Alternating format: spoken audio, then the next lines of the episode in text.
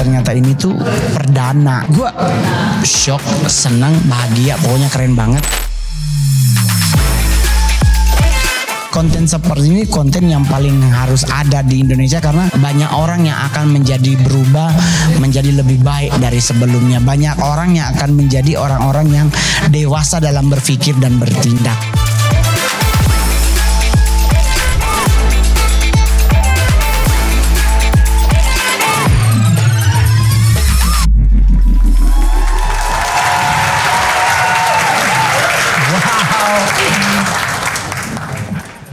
Hai tetangga-tetangga.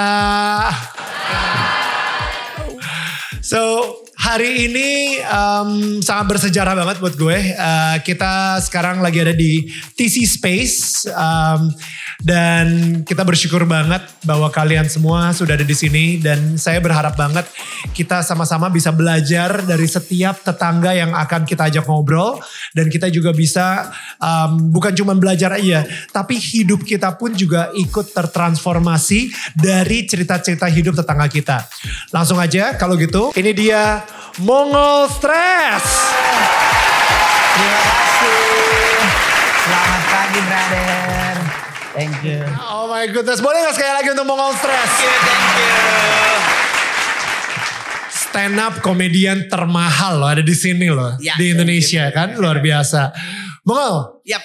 um, ini ini ini gue jujur ya, ini uh, deg-degan banget. Um, bukan hanya bi- bisa interview seorang Mongol stres, Uh-uh. tapi kita juga di sini ngobrol sambil diliatin kira-kira ada 200 orang di sini dan ini benar-benar uh, dan ini historical banget karena pertama kali kita ngelakuin ini. Jadi lu adalah tamu pertama kali Wow. banget di Daniel tetangga kamu live on stage gitu. Oh ya ampun. Terima kasih. Terima kasih. History in the making. Mongol, um, seperti biasa gitu ya, kita kita selalu mulai dengan origin story. Oke. Gue pengen ngobrol dulu tentang masa kecil lo dan emang sih gue uh, denger banyak banget soal um, lu sendiri sebagai uh, yang nyok tentang nyokap di Pasung dan Ya. lain-lain gitu ya. Tapi di sini mungkin gue akan ngobrolnya dari angle yang berbeda. Um, langsung aja deh kalau gitu, Mongol mungkin bisa ceritain uh, masa kecilnya pas tumbuh di Manado seperti apa dan lain-lain. Kalau masa kecil kan saya tidak di Manadonya, tapi saya di Pulau Sanger. Oh di Sanger, Di sorry. Sanger, Iya betul ya. betul. Saya di apa di wilayah Sanger di Kecamatan Tamako. Jadi eh, apa itu masa biasa aja sih sebenarnya. Kebuat Mongol sih nggak ada yang spesial karena ya buat eh, anak kecil pada umumnya kan pasti main-main. Kalau Mongol enggak. Ngapain? Jadi saya tuh selalu harus kerja. Waktu kecil? Iya. Udah dari- kerja? Udah masih dari kecil. Oke. Jadi eh, Oma Mongol itu tidak memperlakukan Mongol tuh sebagai cucunya. Oke. Jadi saya tuh padahal cucu pertama di beliau. Diperlakukan sebagai Tapi pekerja. kayak dianggap sebagai orang luar. Jadi kayak makan gitu. Kalau makan saya nggak pernah dikasih da- eh, apa eh, ekornya, tapi selalu dikasih kalau ikan tuh kepala. Oh. Kalau makan ayam gitu saya cuma dikasih kuah. Saya nggak pernah makan babi dari kecil karena nggak pernah dikasih. Oke. gitu oke. jadi em, kalau di, diselidiki ditelisik kan ya itu karena mungkin karena kasus mama Ya, ya. Eh, mama melakukan sebuah kesalahan yang menurut mereka fatal dengan ya akhirnya mama Mongol dipasung dan dipasungnya juga sampai mati jadi itu bukan cerita yang Mongol pingin supaya gua tetap laris jadi stand up karena itu buat stand up juga nggak cocok itu ya kan? dark banget. Iya, tapi mau hiperbola, ironi, sarkas jadi semua tuh kalau kita Iya. jadiin mama dengan kondisi itu dijadiin materi. Tapi itu realitanya. Jadi pas Mongol pagi-pagi itu mau nganter, karena tugas Mongol tuh salah satunya adalah nganterin smokol, sarapan pagi. Smokol namanya. Smokol Oke. tuh bahasa Belanda kan, nganterin smokol. Jadi pas Mongol mang, eh, ke tempat Adi taruh di rumah tuh eh, mami itu diikat. Terus Mongol kan nggak tahu kalau dia mama. Iya, iya. Saya taunya dia kakak. Oke. Jadi kak, kak akang akang gitu kan. Kalau sini mungkin bahasa Padang tete, Oke. ete gitu atau tete bahasa Sunda. Jadi akang akang, mari jo smokol. Oke. Nah tapi kondisi em, beliau tuh udah udah begini. Dipasung. Oke. Mungkin em, saya sendiri jujur nggak terlalu ngerti pasung itu Kaki. kondisinya seperti apa sih? Jadi eh, beliau eh, apa duduk di tem di apa namanya papan yang jadi tempat buat dia nyender. Oke. Tapi dengan kondisi kakinya dia tuh diikat diikat sama rantai anjing. Rantai anjing. Iya, jadi Oke. ada ada kayu ditaruh begitu, jadi diikat. Terus yang gerak tuh cuman daerah badan dari lutut ke atas. Kaki kaki digerakin sih bisa, cuman buat begini doang. Tapi kalau untuk nggak bisa. Itu kayak di penjara gitu ya? Kalau di penjara kan otomatis mungkin kalau istilah kita penjara mungkin di beton. Kalau ini enggak, maksudnya cuman ditaruh rumah, terus di belakangnya ini papan buat dia nyender. Jadi kalau dia mau tidur yang nyender doang. Dan dan ini sesuatu yang normal kah di Sanger gitu Sangat. saat itu? Sebenarnya untuk saat itu sih ada beberapa orang bilang itu memang salah satu bagian dari hukuman yang bi- udah sering, udah banyak yang lakuin. Oke. Karena kan masih feodalisme, Hmm. masih agak sedikit som, apa merasa malu eh, harga diri keluarga tuh kan sebagai bagian dari keluarga bangsawan yang ternyata anaknya mempermalukan dan seperti itu gitu. Karena dia mau memilih untuk menikah Iya, sama orang yang salah. tidak Iya, direstuin. jadi eh, udah gitu kan Papa Mongol kabur. Hmm. Jadi ya udahlah dan waktu itu beliau udah seperti itu Mongol manggil. Hmm. Oma ini Mongol panggil mama. Ah. Mak, mak, akang sorubu. Hmm. Maksudnya udah rubuh gitu kan. Terus Oma ini, iya iya pig pig pig anak sekolah nanti Oma urus, nanti Mama yang urus ini akang. Hmm. Nah udah ternyata tuh udah meninggal. Hmm. Nanti besoknya itu kan pagi, besok malam tuh baru perkara mata yang nggak ketutup. Boleh diceritain mungkin? Jadi matanya Mama Mongol tuh sebelah kebuka. Jadi Cuma sebelah. iya, jadi keluarga kakak beradiknya tuh udah nyoba, Hmm. ada yang bisa nutup. Hmm. Jadi keluarga bilang begini pakai bahasa Sanger, eh, bahasa Manado. Coba Jodia, Hmm. siapa tahu dia boleh mau kasih tutu. Hmm. Udah dipanggil. Kong bilang Jopa dia siapa dia begitu. Dah. Ron kan nama nama kat- nama surat baptis Roni. Roni. ya. Ron sini ngana. Dah duduk di sebelah Oma. Gue nggak akan pernah lupa itu. Jadi Oma bilang begini. Kita ini ngana pe mama pe mama. Jadi Oma berarti tuh ke Mongol. Jadi yang ngana pe mama kandung ini. Wow. Nama gue tuh udah begini. Karena kan Kristen toh. Jadi Iya. udah begini.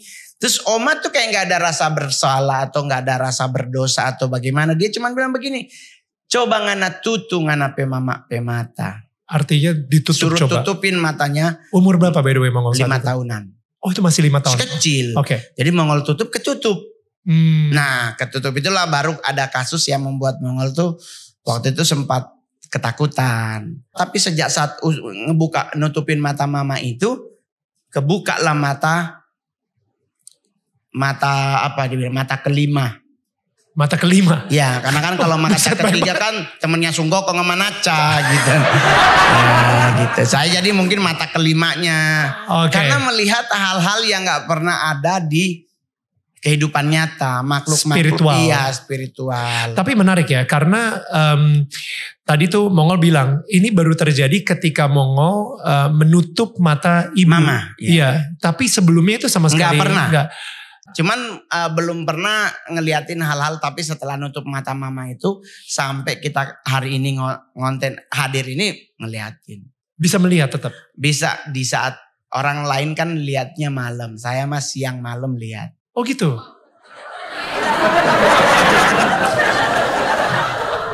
Ya kan saya ngelihat sih. Ah, Ini iya. ngelihat yang hadir siang malam. Tapi kalau ngelihat makhluk halus, hal-hal yang berhubungan dengan eh, apa eh, demons atau apa pun nggak harus malam. Siang juga ngelihat. Nah itu yang kadang-kadang eh, saya tuh selalu kalau tidur di atas jam 3 malam.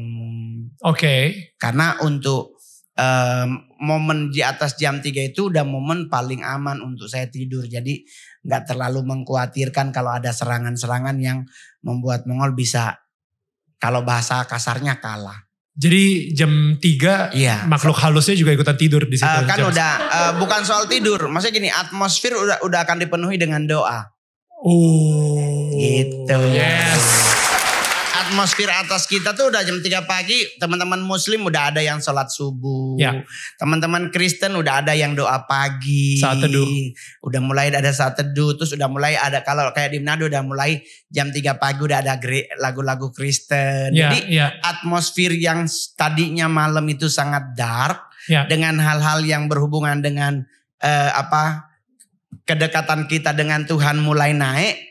Nah itu demons tuh semua akan mundur. Wow. Nah itulah gua tidur. Sebelumnya gua main Mobile Legend. gitu aja. Oke, sampai jam 3 pagi itu ya. Ih, kadang pulang jam 11, udah mabar, mabar, menang, kalah, dilaporin, hilang akun gak ada masalah. Oke. Kan tinggal download lagi. Iya. Tapi Mongol em, sejak pertama kali akhirnya nutup mata ibu sampai akhirnya perjalanan tahu bahwa ibu itu dulu salah satu elder di Iya. Children of God. Jadi- ceritanya gimana? Kalau soal mama ini, ketahuan mama mas join dengan Children of God itu setelah Mongol udah jadi artis. Oke. Jadi kan kita nyari tahu nih, udah punya duit bang. Ya. ya kan. Kalau dulu kan saya kerja kantoran dengan gaji sepersekian untuk biaya hidup sehari-hari dan ngekos plus gaya hidup kan otomatis nggak cukup lah ya.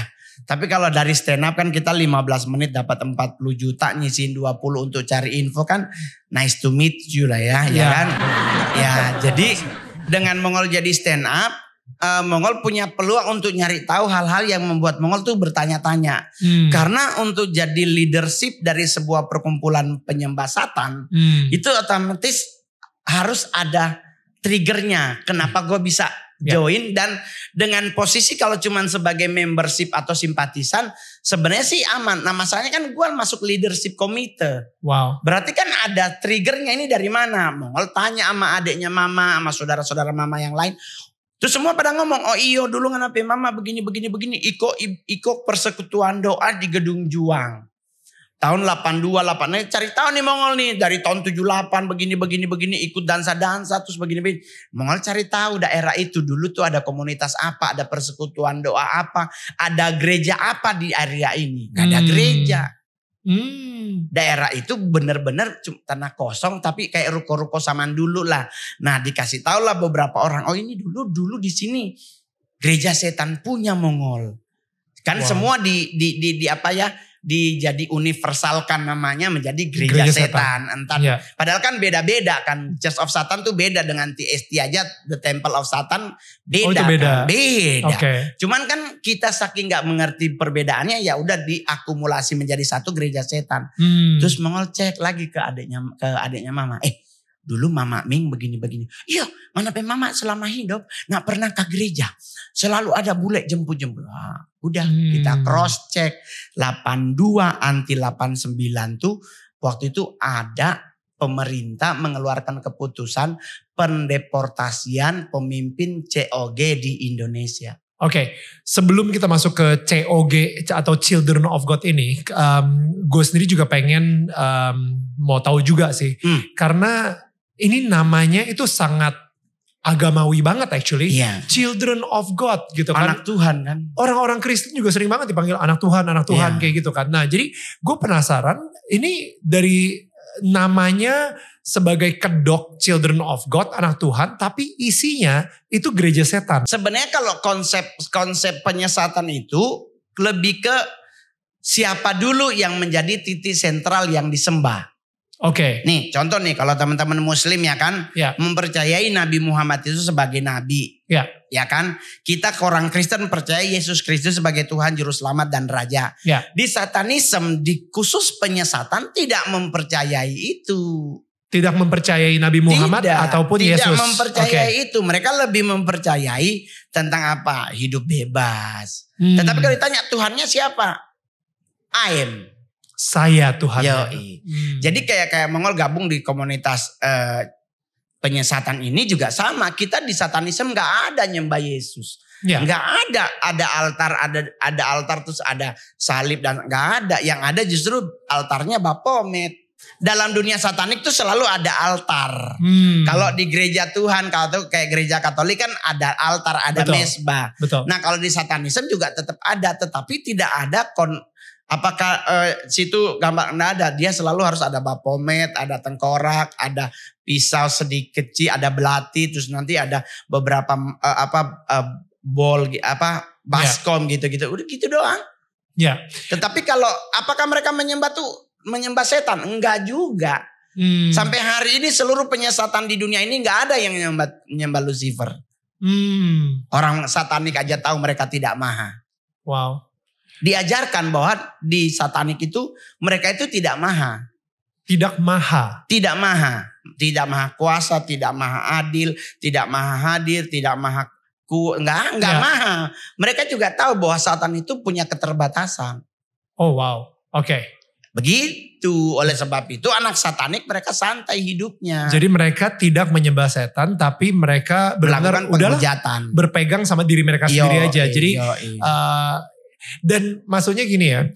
Permasalahan kita kalau misalnya sekarang di dunia Mm-mm. uh, mungkin setan itu sudah masuk ke budaya. Yep. Which is saya ngelihat banget uh, banyak ya tagline-tagline gua adalah self-made. Itu Hmm. kan berarti in a way menyembah diri kita sendiri. Yeah. Seperti kita bilang, ini gue bisa ada di sini karena self-made, karena gu- karena performance gua, kehebatan gua, skill gua, network gua, duit gua atau apa pun Hmm. itu karena gue Yeah. sehingga itu yang membuat gue jadi seseorang yang sukses. Nah em, ini gak ada altarnya, gak ada apa-apa Hmm. dan mereka cuma bilangnya ah Tuhan gue gak terlalu percaya lah. Yang penting gue uh, bisa kasih makan anak gue Betul. dan gue pokoknya udah semuanya udah pakai logika gitu. Dan menurut gue itu lebih bahaya daripada uh, klaim sebuah agama yang satanik karena Iya. udah pasti kalau misalnya satanik kita juga eh males kayak gitu kan. Se- sebenarnya kan yang jadi permasalahan saat ini tuh berarti kalau menyembah setan itu nanti akan berhubungan dengan makhluk lain. Enggak juga. Oke. Karena kami di satanik itu kalau berhub kayak Mongol nih, sekarang udah gue udah tobat nih. Ya. Terus dengan ketemu setan gitu, ketemu bebek gombel terus gue harus takut. Hmm. Kita sebagai orang yang percaya apa pun level agamamu, Iya. yakini itu Ya. bahwa Tuhan yang engkau miliki adalah Tuhan dan dia yang dahsyat. Jadi nggak usah khawatir. Kayak saya aja pribadi, dengan kondisi hidup saya yang seharusnya tidak sukses, Ya. karena saya dari kecil disumpahin keluarga mau jadi apa ngana, paling cuman satpam. Hmm. Dan disebutin merek mallnya gitu. Di Manado ada mall yang paling tua gitu. Ya paling cuman jadi satpam jumbo gitu. Itu jumbo tuh ju, eh, Deps apa? department store. Tapi dia nggak jual baju. dia Jumbo cuma apa? jual ya jual-jual eh, tomat apa ri- eh, cabai, Sayur-sayur, iya, iya. eh, mie instan. Baru di atasnya nanti dia jual buku, pensil gitu-gitu. Ya, ya, ya. Nah kalau tape, tape store kan berarti ada baju, ada celana. Ini enggak cuma Enggak. jual ini. Nah paling keluarga tuh bilang, paling kan cuma jadi, Jadi security di situ. jumbo. Ya. Jadi keluarga selalu kayak mau jadi apa ngana. Ngerti Ya. namanya jelas. ya. Setelah saya jadi artis barulah mereka mengaku saudara Mongol. jadi dari sisi sini saya selalu bilang ke mana-mana saya ngonten di mana-mana podcast di mana-mana saya selalu bilang hidup kita ini cuma satu menjadi bukti bahwa Tuhan itu mengasihimu bahwa engkau mempercayai Tuhan yang benar dan baik dan benar dan engkau bisa melaksanakan apa yang menjadi perintah Tuhan dengan setia kau lakukan. Udah itu aja. Wow. Saya kalau mau mau sombong-sombong susah. Mukanya nggak mengakuisisi. Yalah pemain sinetron kan harus ganteng. Pemain film harus badan 172 lah. Kita 166. Itu bukan pakai sepatu segini hal ini. Tinggi begitu. Jadi tapi dengan kita sukses berarti Tuhan itu baik. Dan Tuhan itu ada. Ya. Saya eh, boleh tepuk tangan dulu ya untuk Mongol ya. Terima kasih ya. Um, gue mungkin di sini ada beberapa orang yang mempunyai cerita hidup yang mirip. Karena gue sendiri juga kenal beberapa orang di sekeliling gue yang mungkin di abandon oleh orang tuanya sendiri. Artinya orang tuanya mungkin saking sibuk uh, dia nitipin anaknya ke oma, Hmm. ya kan? Dia menjadi dia tumbuh dewasa mempunyai yang kita bilang abandonment issue. Hmm.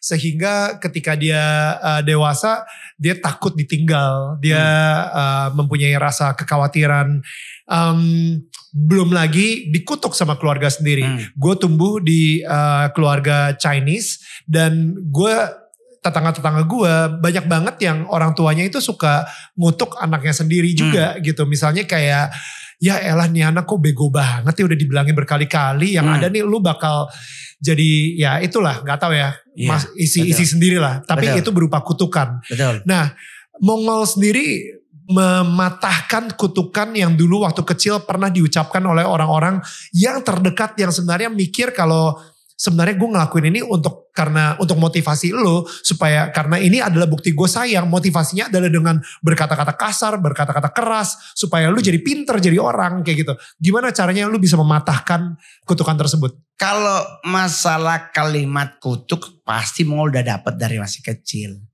Hmm. Tetapi di saat saya udah mulai bertumbuh mengenal pribadi Kristus sebagai Tuhanku.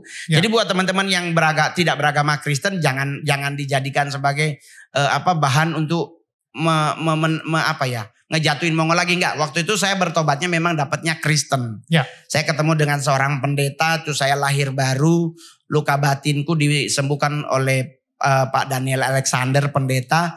Terus saya mulai me- apa ya namanya mengampuni, mulai belajar mengampuni. Jadi dari situ saya mulai belajar untuk tidak kembali memikirkan yang dulu-dulu disampaikan. Saya selalu bilang gue harus jadi bukti, gue harus jadi bukti. Pas ditawarin orang untuk sekolah pendeta Hmm. dan saya tahu mereka siapa, duit mereka berapa banyak, tanah mereka berapa banyak, ditawarin gue langsung, ha, ah, nggak lagi eh, saya pikir-pikir dulu ya, enggak, langsung Oh, oke. Ya. Dan saya waktu itu mikir naik pesawat, ternyata naik kapal laut. Dari Manado saya naik kapal Lambelu di ekonomi deck 2. Oke. Jadi sebelah mesin. Oh, buset. Kan di bawah deck 2 bang. Ini kalau kapal tenggelam yang paling pertama meninggal kami bang di bawah. Karena memang niat dari daerah itu saya pengen sekolah. Ya, sekolah jadi pendeta. Pendeta Ya. nyampe Jakarta tiga bulan sponsornya hilang. Bentar, bentar. Kenapa tetap jadi Kristen? Maksud gue udah jelas lu ke Jakarta dibohongin sama pendeta gitu. Kan gua udah udah mulai iman Mongol tuh udah mulai bertumbuh. Kita tuh nggak Hmm. boleh berharap manusia. Hmm. Karena kalau kita berharap manusia kita pasti akan dikecewakan. Uff. Pasti.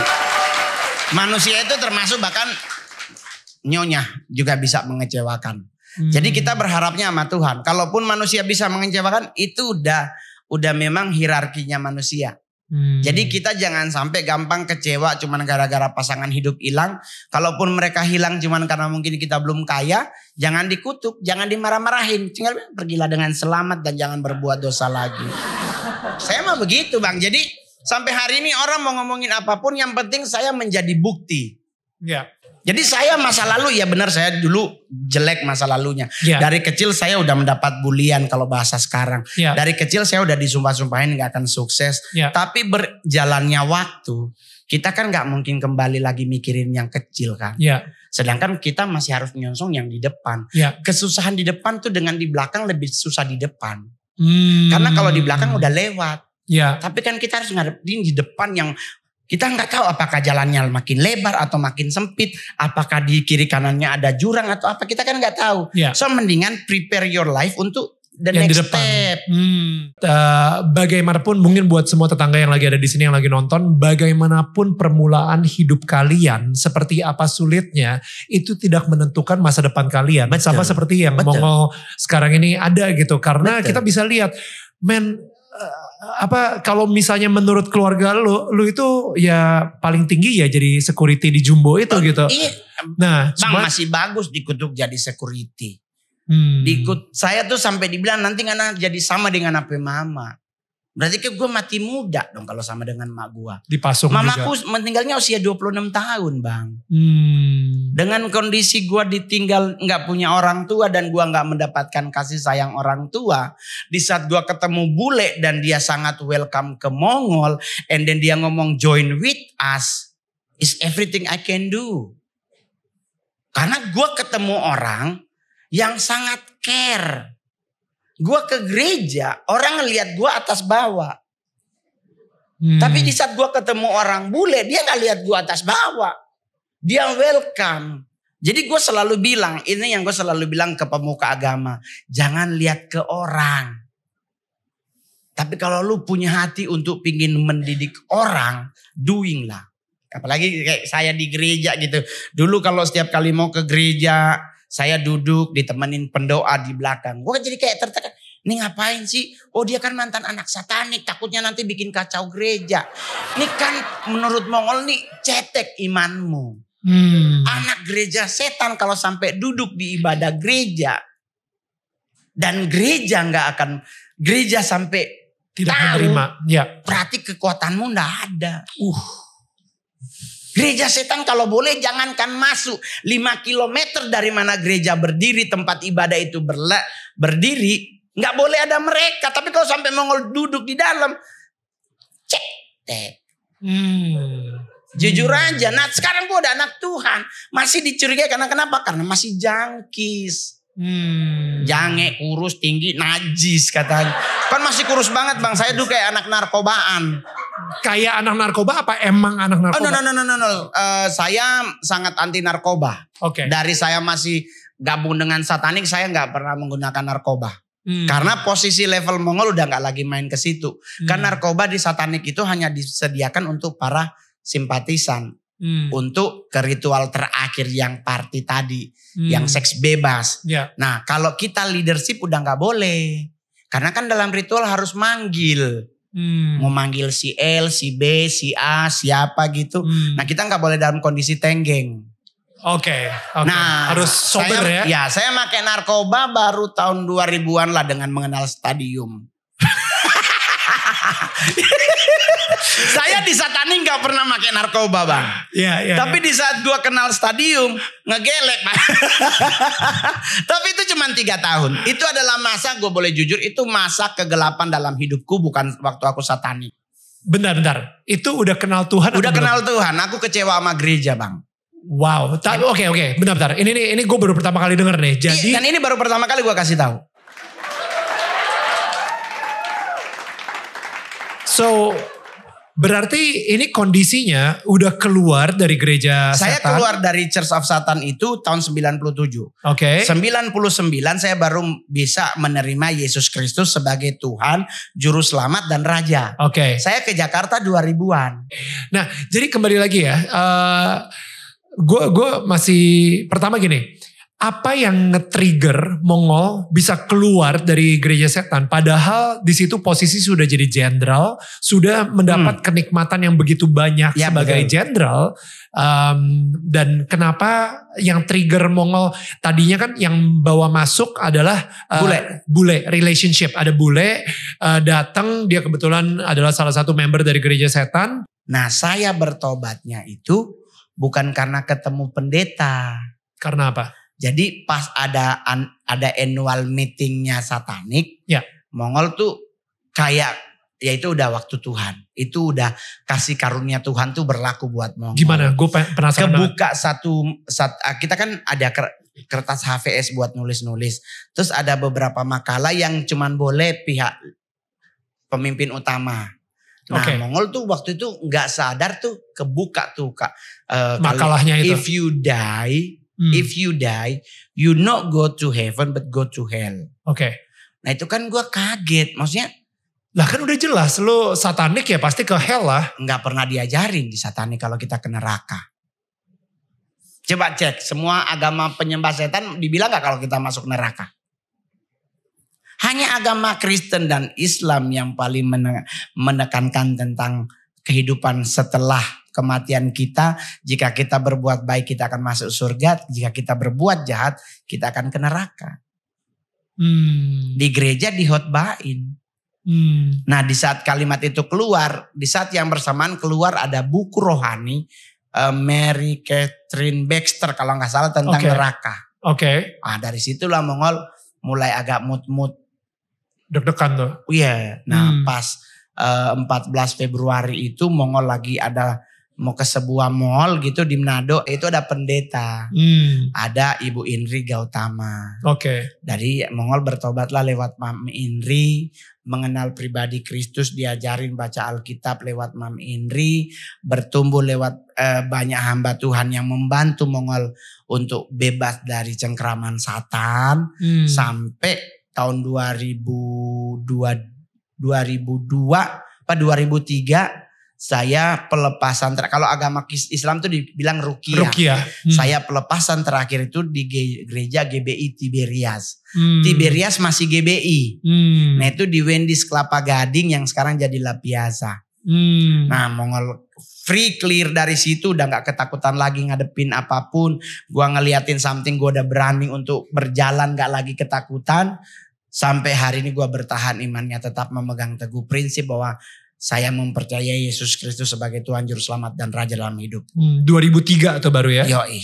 Um, Mongol, um, gue pernah denger gitu ya bahwa kayak tadi sih ngomongin soal neraka, bahwa uh, kebohongan terbesar yang setan berusaha lakukan ke kita adalah um, bilang kalau misalnya setan itu nggak ada.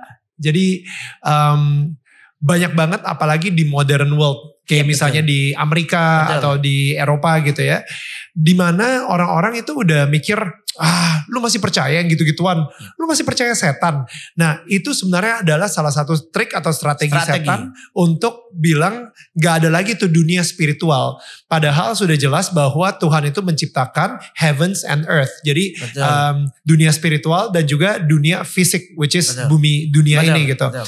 Nah jadi setan berusaha bilang alah yang kayak gitu-gituan mah udah zaman kapan kuno Hmm. kuno lu terlalu konservatif. Yang kedua tidak ada neraka Ya betul. bahwa enggak lah neraka itu cuma dibuat oleh agama untuk menakut-nakuti lu kayak gitu. Jadi udah jangan percaya sama yang neraka Betul. gitu. Dan itu impactnya bisa dua juga gitu eh, bahayanya karena akhirnya manusia bisa berbuat seenak jidatnya dia, semaunya dia betul. dengan em, apa ya kayak saya bilangnya animal instinct gitu naluri binatang yang uh, Hmm. kita ada di di dalam hidup kita itu kayak ya udahlah semau gua aja toh nggak akan Nggak ada, ada neraka, neraka. anyway gitu Iya. nah jadi nggak tahu ya gue ngeliat ini nggak perlu gereja setan tapi setan itu udah masuk banget di dalam budaya kita di budaya sekarang budaya modern modern kita ini yang sepertinya yang namanya spiritual tuh udah terlalu kuno Betul. udah lu tinggalin aja eh, agama, lu tinggalin aja Tuhan. Karena sekarang ini Tuhan pun juga mungkin gak akan bisa bantuin lu kalau misalnya lu susah gitu. Betul. Itu kan juga yang paling itu tuh ke generasi Z. Gen Z. Ya itu mereka jangankan neraka dipercaya Tuhan aja mereka juga nggak percaya. Ya. Buat kita yang percaya dengan hakikat Tuhan, pegang teguh iman ini. Ya. Jangan tergerus cuma gara-gara masalah sepele. Ya kan masih gini. Ya udah kalau memang kita tetap meyakini Tuhan itu ya dan amin, yakini. Ya. Satanik itu pekerjaannya lah memang membuat kita nggak percaya Tuhan itu ada. Hmm. Itu kerja mereka. Ya. Dan itu dibikin dalam bentuk kongres. Termasuk kemarin di di Boston itu SatanCon salah satunya adalah hal itu. Buat semaksimal mungkin orang tidak percaya tentang hakikat Tuhan. Wow. Bukan tidak bukan cuman per- tidak percaya Tuhan, hakikatnya juga jangan sampai Artinya apa tuh? Hakikat Tuhan. Kalau hakikat itu tentang tentang apa? Tentang diri pribadinya, pengajarannya, tentang everythingnya. Kalau cuma tidak percaya Tuhan ya bisa aja kita nggak percaya. Tapi kan kalau semua elemen yang mendasari Tuhan tidak dipercaya ya sama aja. Hmm. Nah kita yang sudah percaya pegang teguh. Itu yang Mongol selalu bilang sama teman-teman muslim. Di setiap konten gue selalu bilang jangan dulu fokus dulu rasul rasul. Hmm. Fokus tadarusan Quran. Artinya apa tuh? Baca Al-Quran di saat malam Jumat. Wow. Dari jam 10 malam lu mau sunnah Rasul setengah 12. Baca Quran, lu hatamin Quran. Di saat ada hal yang tidak sesuai dengan Quran. Lu bisa berdiri teguh karena lu udah ada backupan. Sama juga dengan kita Kristen. Baca Alkitab, rajin baca. Karena firman itu nggak mungkin berlalu dengan sia-sia. Otomatis kayak saya saya pribadi 18 kali gua baca Alkitab sampai hari ini. 18 kali. Yoi. Dari, wow, 18 kali dari 2005. Sebelum dari gereja Tuhan. Sebelum dari gereja Tuhan. Iya. Wait, Di wait. gereja setan kok juga baca Alkitab. Ah, kepala saya sakit. Sorry bro, sorry bro, sorry bro. Kami di gereja setan kan punya tugas Apa tuh? untuk bagaimana caranya membuat kalian tidak yakin dengan Tuhanmu. Dari mana kami dapat datanya? Ya dari Alkitab. Mana yang kita pingin rombak? Ah, Yesus nggak mungkin juru selamat. Kenapa? Karena dia lahirnya di kandang. Wow. Nabi Muhammad nggak mungkin rasul karena dia yatim piatu. Wow. Ya kan? Jadi kita cari seba, semaksimal mungkin yang membuat kita nggak percaya. Lagi benerin lah bahwa sebenarnya yang juru selamat itu bukan Yesus. Tapi Lucifer. Karena ada di Alkitab. Dia diutus dari surga ke bumi. Padahal bahasa Inggrisnya dia dibuang. Uh. Nah kita, apalagi nih orang-orang yang kadang kayak imannya masih ke gereja nanti Natalan. Lebih Iya. parah lagi. Ya. Dengar orang bule berdoa, Eternal Father in heaven, hallowed by thy name. Kita oh amin amin. Padahal Eternal Father itu bukan Kristus. Uh. Eternal Father itu adalah Satan. What? Ye. lu nggak tahu padahal bahasa Inggris lu TOEFL udah 7 juta. Iya. Gua aja TOEFL baru 25 biji. Itulah kenapa gua nggak pernah stand up di luar negeri. Karena Eh. ingat Eternal Father itu bahasa Indonesianya tuh bisa Bapak yang kekal. Bapak yang kekal. Iya. Lah, eh, ya gue ngerasanya bapak yang bapak yang kekal Yeah. adalah Tuhan. Tapi Yesaya 9 ayat 6 is a wonderful counselor, almighty God, and Yes. everlasting Father. Everlasting Father. No eternal Father. It's so different bro. Wow. Eternal ada batasannya. Eternal ada batasannya. Everlasting nggak ada batasannya. Hmm. Jadi kalau satanik selalu bilang we are the master of peace. Hmm. Tapi kekristenan mengenal Yesus sebagai Prince. Prince of Peace. Perbedaannya di mana bro? Master hari ini lu kaya dipanggil bos, di saat lu gembel nggak ada yang manggil bos. Tapi Prince sekalipun you nggak punya kerajaan, tetap dipanggil yang mulia. Karena lu adalah seorang pangeran. It's so different. Ya. Dan Jadi adalah, satanik begitu mainnya. wow. Main Wow. nanti main apa? Eh, tentang pendoa gitu. Kristen nih buat yang Kristen. Pendoa syafaat gitu. Doa, doa, doa, doa, doa gitu. Doa doang. Tas satanik ngomong mau doain buat apa? Hmm. Kekristenan berdoa, para pendoa yang ada di Indonesia, di dunia. Mereka hanya seperti apa dibilang koboi. Mhm. Kalau berdoa kami ikat dalam nama Yesus. Ngiket terus nggak pernah Oke. yang lain-lain ya. Tak. Kami hancurkan. Nggak bisa pak. Hmm. Bukan waktumu menghancurkannya. Hmm. Bos besar yang punya. Itu nanti dia datang sekalian habis rombongan.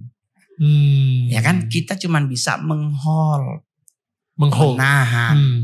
Jangan lu hancurin. Kalau lu udah hancurin dari nenek buyut kita juga berdoa kami hancurkan, hancurkan. Sampai sekarang nggak habis-habis tuh setan. Hmm. Gue curiga setan itu kayak multi level nyari kaki, kaki, kaki, kaki. Iya ngadain lagi. Iya kan? MLM. Nah jadi kalau dalam dunia satanik tuh kayak begitu kita kerjanya. Nyari Al-Quran nih. Kita baca. Itu kan kemarin Mongol sampai bilang sama eh, Habib Jafar. Di saat saya bertobat, kenapa saya tidak masuk Islam waktu itu? Ditanyakan kenapa bang nggak login? Hmm. Karena memang saya ketemunya Kristen. Hmm. Tetapi saya udah baca buku tentang Nabi Muhammad tuh 41 buku. 41 buku. Wow. Siapa di sini yang muslim yang baca tentang Nabi Muhammad 41 buku? Saya udah baca Al-Quran terjemahannya dua kali. Wow. Sampai habis. Oke. Dari situ saya bilang di mana-mana. Saya belum pernah menemukan Nabi Muhammad itu marah-marah. Wow. Dia selalu tuh sama dengan Kristus, penuh dengan kasih. Hmm. Orang mau marah-marahin dia, dia nggak gubris, dia nggak marah balik, tetap disayang. Hmm. Dia selalu kayak memberi kayak gue ada satu kalimat dia tuh manusia itu hakikatnya seperti air. Hmm. Ditaruh di gelas dia membentuk gelas. Ditaruh di teko dia ngebentuk teko. Ditaruh di mana aja dia akan membentuk wadah yang dia tempati. Betul. Tetapi hakikatnya tidak pernah berubah. Tetap air. Tetap bro. air. Nah kita juga sama manusia. Lu mau ke kubangan mana pun, lu mau ditaruh di mana pun, lu mau ditaruh di mana pun, lu nggak akan pernah ter apa namanya ter ter ter apa Terganti. terganggu dengan kok akhirnya lu korupsi nggak hakikat manusia lu harus tetap menjadi manusia yang keren. Hmm. Jadi buat teman-teman yang hadir hari ini, ayo kita pertebal iman. Dengan mempertebal iman kita, mempercayai Tuhan kita, Ya. Nabi kita, is everything. Gue yakin seribu persen pasti pertolongan Tuhan tuh akan selalu ada. Amin. Amin. Em, kita ini masuk mungkin ke suatu diskusi yang cukup berat gitu. Dan ini gue jarang banget ngelakuin ini juga di Gas. Daniel Daniel tetangga kamu karena em, kita nggak tahu ya. Gue dari tadi di hati gue tuh bilang ngomongin soal spiritual warfare Oke. tentang perperangan di Rohani. dunia spiritual Oke. gitu, di dunia roh gitu ya. Em, sepertinya eh, ini kita tarik-tarikan nih eh, dari media, dari siaran TV, dari siaran YouTube, dari siaran apa pun, podcast dan lain-lain. Itu tarik-tarikan di mana em, kita mikir kita cuma sekedar ngedengerin sesuatu yang oh innocent dari bahkan lagu gitu ya. Oh ini lagu enaknya musiknya hits dan lain-lain. Tapi kita nggak sadar kalau misalnya liriknya itu membawa kita ke sebuah uh, spiritual warfare Betul. gitu.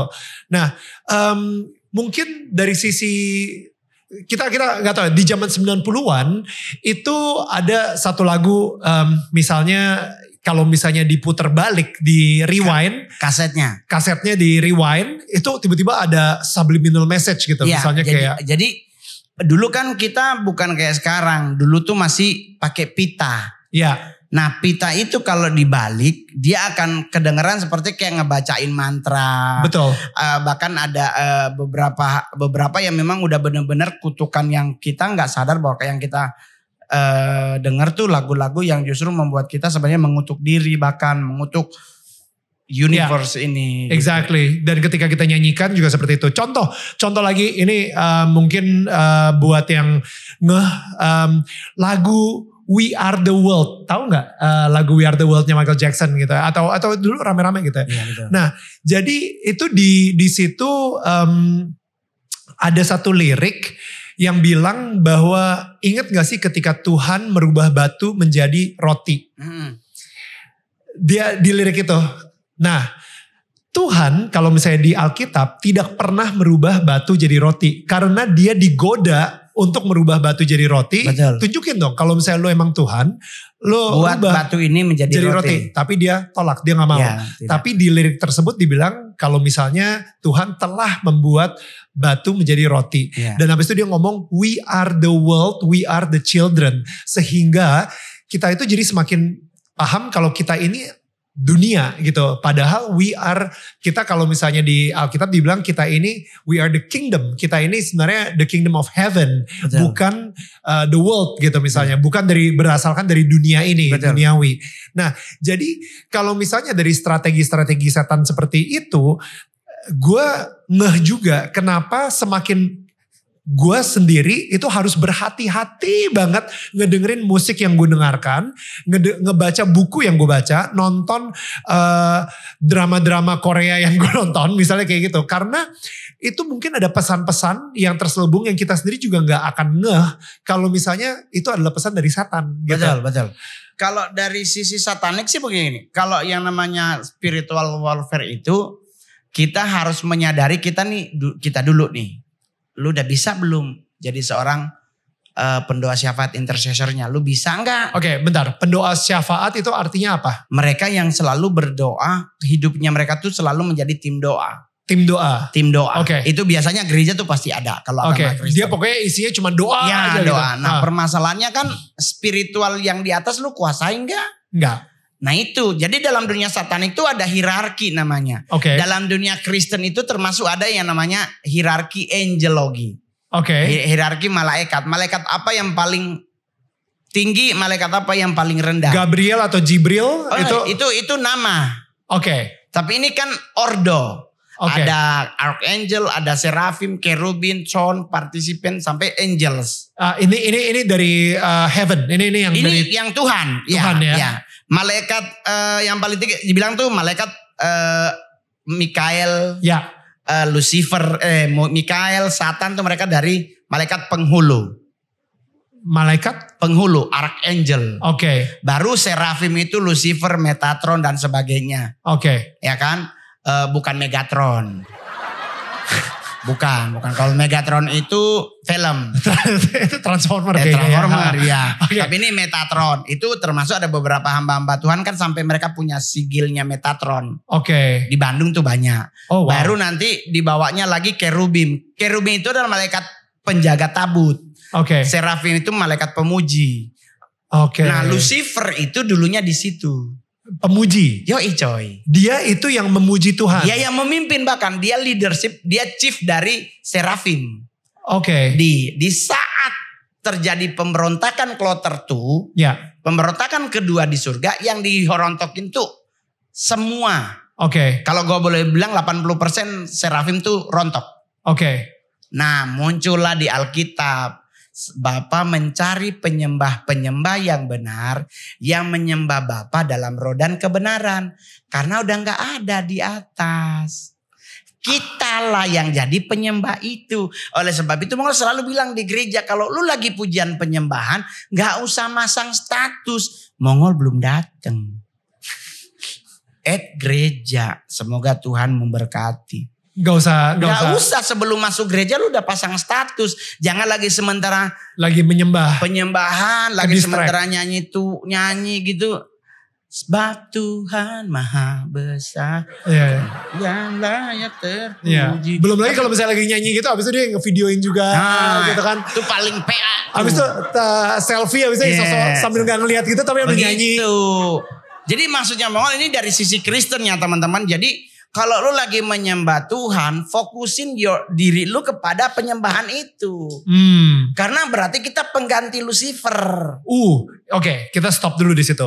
Gue pernah dengar bahwa ketika Lucifer dibuang ke Mhm. dunia gitu ya oleh Tuhan, dia itu kesel dan Tuhan itu tidak eh, job desk-nya bener ya. Lucifer itu job desk-nya adalah diambil. pemimpin penyembah Dan tidak diambil. dan tidak diambil. Jadi kosong nih. Yo. Posisi Ah, surga. eh, posisi surga Takhta Bapak itu kan ada ada Ada penyembahnya. Iya, iya, ada dong. ya kan? sekarang kosong. Tapi si worship leadernya ini nggak ada. nggak ada kosong karena Lucifer udah dibuang. Yo Icoy. Jadi yang untuk ngisi uh, job desk-nya si Lucifer ini adalah orang-orang yang sedang di dunia menyembah Tuhan gitu. Betul. Makanya Lucifer benci banget sama manusia. Dan ingat, penyesatan terbesar selalu menggunakan musik.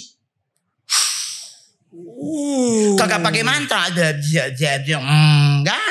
Enggak, enggak. Semua pasti menggunakan musik dan Ya. Lucifer itu dalam hierarki satanik sebagai Music uh, Lord of director. Lust. Lord of Lust. Lust. Dia di sisi timur. Jadi Lust. kan last last last hawa nafsu. LUST. Iya, iya. iya. Jadi dia adalah hawa nafsu dan prediksi Mongol 2024 ke 25 akan muncul penyakit baru yang berhubungan tentang hawa nafsu.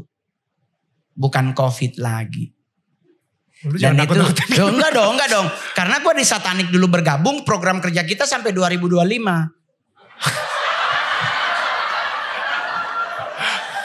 Anda pernah nonton Mongol Stress Channel? Gua bahas semua tentang kasus di sini akan mati, di sini akan akan begini, di sini Ya. akan begini. Bahkan kemarin gua sampai ngomong, teman-teman Indigo perhatikan atmosfer dan kosmik. Hmm. Pergerakan akan ada yang mati Hmm. berjalan. Itu yang Mongol bilang, gua nggak perlu tutup mata, ngelihat gerak di atas, gua ngelihat komposisi di atas. Tapi gua selalu bilang, itu boleh terjadi, tetapi kalau kita mendekat kepada Tuhan, kita tetap berdoa dengan iman yang teguh. Teman-teman Muslim tetap berdoa, tetap dengan melaksanakan sholat lima waktunya. Ya, Gua percaya seribu persen, pasti Tuhan akan tolong. ya, Pasti. ya, ya. Amin. Pasti. Mau setan sekalipun Lucifer datang bertiga sama kan Lucifer itu Lord of dia ada di timur. Utara itu ada Asmodeus. Oke. Asmodai, Asmodeus itu destroyer, dia Lord of Destroyer. Di sisi barat itu ada Belial sebagai Lord of Power. Hmm, Jadi di tengah itu adalah Lucif- eh, Satan sebagai Lord of All. Oke. Di selatan itu ada Lord of eh, Leviathan, itu Lord of Dragonic. Oke. Jadi semua yang berhubungan dengan laut, laut itu pasti hubungannya dengan Leviathan. Leviathan. Oke. Dan gue pernah ngonten, Oke. The Day of Leviathan terjadi. Kapan? Tsunami, Hmm. semua terjadi. Jadi maksudnya Mongol gini, gue hanya pingin ngasih tahu. Orang kan nanya, terus bang bagaimana buat kita yang tinggal di pesisir pantai, apa yang harus kita lakukan? Hmm. Nah itu gue, waktu itu gue ngomong pakai gula. Apa tuh? Nggak usah manggil orang, lu datang ke pantai, lu taburin gula. Sesendok aja. Jangan sekilo, bikin es teh manis aja kalau sekilo. Masa sendok. Masa cuma kasih sendok? Lu tau gak kenapa pakai gula? Kenapa? Karena gula itu kalau kena api dia jadi karamel. Oke. Jadi karamel kena air jadi batu. Oke. Jadi otomatis nggak akan jadi tuh. Oke. Kalau u- eh, hujan gitu pakai garam. Tapi ini kedengerannya kayak mantra-mantra sih. Oh, Maksudnya apakah ini Mantra sebuah itu kalau eh, bisa. Iya ya, tapi ini apakah ini Alkitab eh, Alkitabiah? Di apakah ini- Alkitab Anda pasti ingat kasus Elia mentahirkan sebuah sumur menggunakan apa? Eh, Garam, garam baru ya garam. Garam itu penetralisir. Oke. Jadi kalau seandainya nih hujan gede gitu terus angin puting beliung, kita nih aduh jangan sampai genteng rumah gua keta ketarik gitu. Ambil gul, ambil garam aja taruh di di gelas, Hmm. terus lu bilang gitu nggak usah eh, nggak usah lah bahasa Latin kita nggak hafal orang Pancasila aja gua nggak hafal. Gua Pancasila 4 dan 5 suka ketuker. Iya iya iya. Ya kan jadi cuman bilang aja tukerannya, Ah, tukerannya gitu, tukeran aja. Iya iya iya. Gak usah manggil Mbak Rara mahal. Karena lu juga punya kuasa yang sama kata Tuhan. Jadi kita pakai garam atau pakai gula udah lepas aja. Dan kalau memang Tuhan izinkan kita nggak akan jadi, ya jadi. Iya. Karena kalau kita mau fanatik agama, saya tinggal di daerah banjir bang. Hmm. Hmm. Jakarta panas tapi Bogor ngirim, ilele depan rumah bang. Gua tinggal di Pondok Jaya bang, Hmm. daerah yang terkenal. Hmm. Ya itu. Terus ada nanya, temen gue ada sebelah rumah fanatik. Dia sampai pakai minyak urapan bang. Semua rumah dikepret dari pagar semua dikepret. Biar nggak kena banjir. Banjir nggak? Kena. Terus apa nggak tahu nggak bang Daniel dia bilang apa? Sorry Mas Mongol, sekalinya kami di rumah nggak sehati dalam berdoa. Saya bilang bukan begitu bu. Hmm. Kalau mau kalau mau ngilangin banjir, jangan pakai minyak urapan. Pakai tongkat Nabi Musa. eh, taruh depan rumah dia misa air gitu. Maksudnya jangan PA gitu loh. Maksudnya kita udah daerah banjir. Lu mau pakai eh, bro, lu gula lu taruh eh, apa air lu taruh minyak makin licin. Kalau memang benar Nabi Uranu tongkat Nabi Musa. Tuhan mana tongkat Nabi Musa pinjem bentar gitu. Makanya jangan kalau di satanik itu yang dibilang kadang-kadang kita tuh bodoh. Itulah kenapa di Amerika itu pas gua ngomong bahwa in- Indonesia ada negara paling aneh di dunia karena lewat kubur pembisi itu mereka ketawa. Nah di Amerika kuburan tuh kadang dipakai buat nonton. Nah kita kuburan apalagi udah deket maghrib. Ya ampun Bapak di sorga Al-Fatihah, ayat kursi. Kita doa Bapak kami, semua doa dibacain gitu. Terus nanti ujung-ujungnya ada hem, misi. Iya kan? Maksud Mongol, kenapa harus begitu gitu? Maksudnya kalau, kalau lu anak Tuhan khusus teman-teman Kristen, lu anak Tuhan yang percaya kepada Yesus sebagai Tuhan Juru Selamat Rajamu. Nggak pakai doa, dehem aja. "Ahem, Persiapkan jalan bagiku. Wow. Karena kau anak raja di atas segala raja. Ya. Dan lu lihat kan suster ngesot sama karpet. Enggak jadinya kenapa harus takut? Hmm. Jadi eh, eh, apa balik lagi Leviathan baru ada Astaroth di antara utara dan timur. Dia sebagai Lord, Lord of Magic. Jadi all magician, reader tarot dan beberapa beberapa yang berhubungan dengan magic Zodiak. Zodiak termasuk ya iyalah bagian dengan meramal-meramal tuh ke Astaroth. Oke. Tetapi tidak semua peramal, tidak semua magician berhubungan dengan Astaroth. Ada yang memang kecepatan tangan kayak Ya. beberapa ya kan. Ya, Tapi dari beberapa yang di Amerika udah terlihat banget bahkan di belakang tempat mereka mau eh, ada ada altar Ada kecilnya ya ada kan? lilin ya. antara timur dan eh, timur dengan selatan di situ ada lagi sosok namanya Baal. Hmm. Nah, Baal ini di bagian perhepengan. duit. Ya, nah kalau Wait, ke- wait, Mamon? Mamon level 2-nya di bawah Baal. Oh jadi Baal itu lebih tinggi paling lagi. paling atasnya. Dia yang ngasih duit dan Yoi. lain-lain. Oke. Tapi kan kalau orang nanya, Ih, tapi ngol kan kalau bukannya kalau nyari duit sama Nyi Blorong Iya. Nyi Roro Kidul apa kabar? di laut. Itu sama Leviathan gimana? Eh, Dia hebat. Oke. Karena gua selama nonton filmnya gua nggak lihat rambutnya basah. Lu pernah nggak lihat Nyi Roro Kidul keluar gitu terus rambutnya lepek? Nggak ada. Di, gue curiga di dalam ada blow, ada blower. Jadi shining lo gila lo. Itu kan hebat kan keren. gitu. Nah kalau Baal itu tidak memberi, tidak Dia meng- mengambil. tapi dia mengambil. Oke. Yang diambil satu bang, Apa? jiwa lo, your soul diambil. Artinya Salah apa? sat- salah- Efeknya apa? Salah satu pertanggungjawaban di saat kau mati nanti adalah tubuhmu tertinggal, roh, jiwa, dan tubuh. Ya. Tubuh mati dua ini yang akan dipertanggungjawabkan. Roh dan jiwa. Oke. Nah kalau jiwa lu ada di sebelah,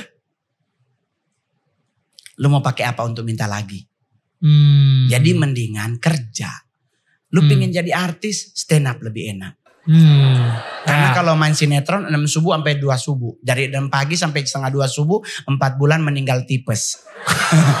Tapi kalau stand up 15 menit dan Iya. gratis belajar. ya. nggak ada bayarannya. Lu kalau belum main sinetron harus belajar acting. Hmm. Tapi kalau stand up, lu datang ke komunitas stand up, tanya-tanya, tanya-tanya, coba-coba-coba, panggil TV. Hmm. Tapi bayarannya 14 hari. sinetron juga gitu kok jangan khawatir. 14 hari. Uh, kadang udah diusir dari kos-kosan, duitnya belum masuk. ya, Um, baru antara selatan dengan barat, ya. itu ada namanya eh Belzebub, Oke. Lord of Lies. Hmm. Baru antara barat dengan utara di situ ada Baal Berit. Knowledge, dia Lord of Knowledge. Ber, eh, Beelzebub itu flies. Jadi kalau teman-teman tuh kadang-kadang kan ini para pendoa, hamba-hamba Tuhan yang nonton maupun yang hadir, kalau Anda suka melakukan doa peperangan, hati-hati. Kalau tahu-tahu kok ada lalat gede di rumah gue. Ada dua kemungkinan, rumah lu jorok kalau nggak serangan. Lalat tuh lalat, lalat, lalat gede banget itu kayak kayak bee, apa kayak lebah. Tapi dia lalat bukan lebah. Nah itu kalau sampai di rumah, nah itu bahaya tuh. Berarti udah ada spy yang sedang mengintip dirimu.